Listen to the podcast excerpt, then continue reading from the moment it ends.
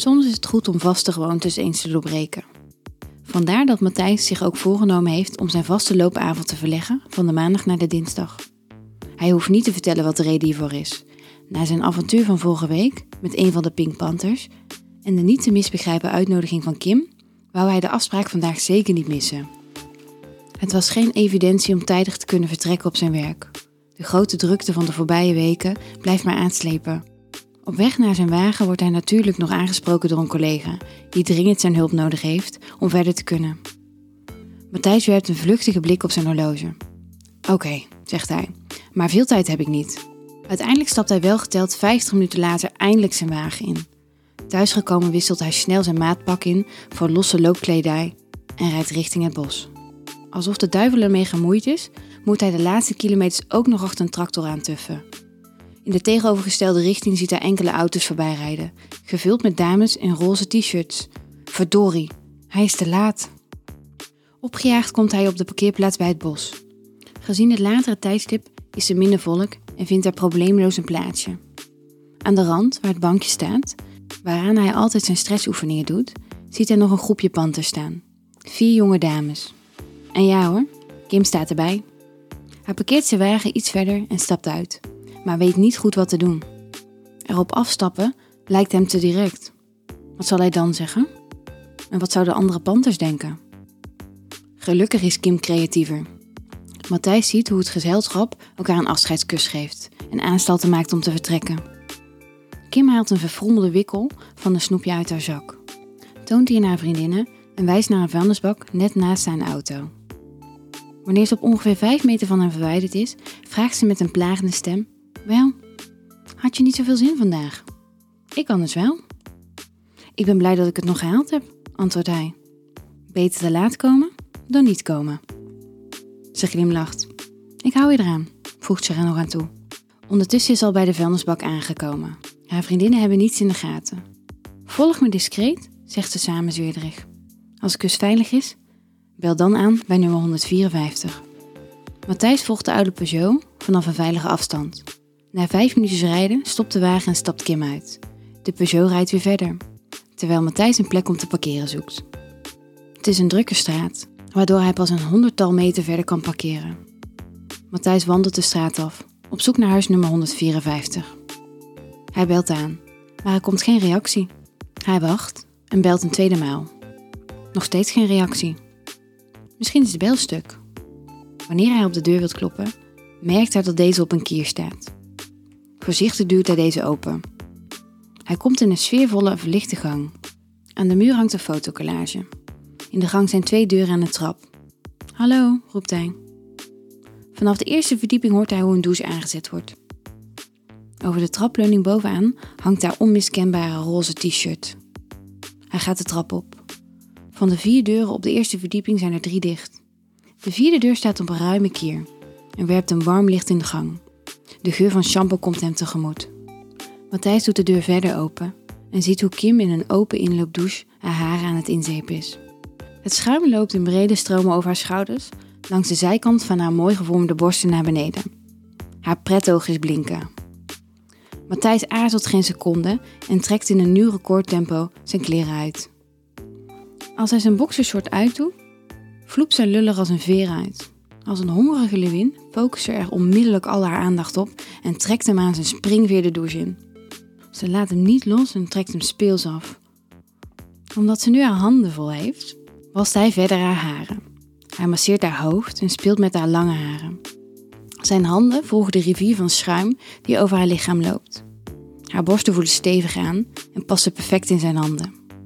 Hij knijpt er zacht in en zuigt haar tepel.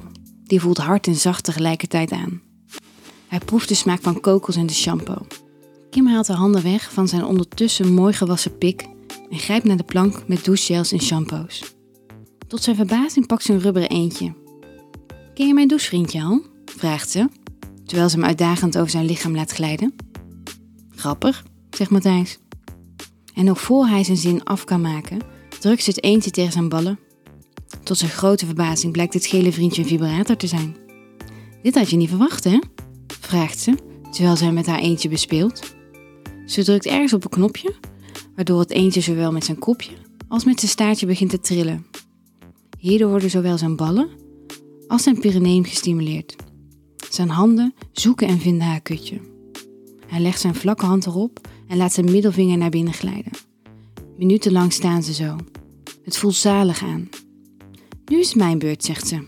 En ze duwt het eentje in zijn vrije hand. Maar door de combinatie met het water en het schuim valt hij op de grond. Matthijs bukt om hem op te rapen, waardoor hij een zeer mooi uitzicht krijgt op haar kutje, blinkend van het water. Matthijs gaat op zijn knieën zitten en begeleidt het eentje van het topje van haar teen naar een enkel. Mmm, dat kriebelt, gilt ze en schudt met haar voet. Matthijs stuurt het trillend eentje langs haar kuit omhoog. Bij haar knie gekomen, schuift het wat meer naar binnen toe, langs de binnenkant van haar dijen. Spontaan zet ze haar benen wat wijder uit elkaar, zodat het eentje vrije doorgang heeft. Hij laat hem even met zijn bevende snavel op haar schaamlippen pikken. Lekker, doe dat maar meer, zegt ze. Maar zo snel geeft Matthijs niet toe. Hij laat het eerst rond haar hongerige kutjes cirkelen en af en toe pikken. Telkens een beetje langer. Soms laat hij zijn snavel verdwijnen tussen haar schaamlippen, proevend naar haar klitje. Hij merkt hoe ze steeds meer wilt. Met zijn ene hand spreidt hij haar schaamlippen open en laat het eentje zijn werk doen. Haar benen verslappen en ze zoekt steun tegen de wand van de douche. Nu jij, zegt ze. En ze duwt zijn neus bijna in haar. Het stromende water maakt het hem niet makkelijker. Maar de combinatie van het eentje en zijn tong maken haar helemaal gek.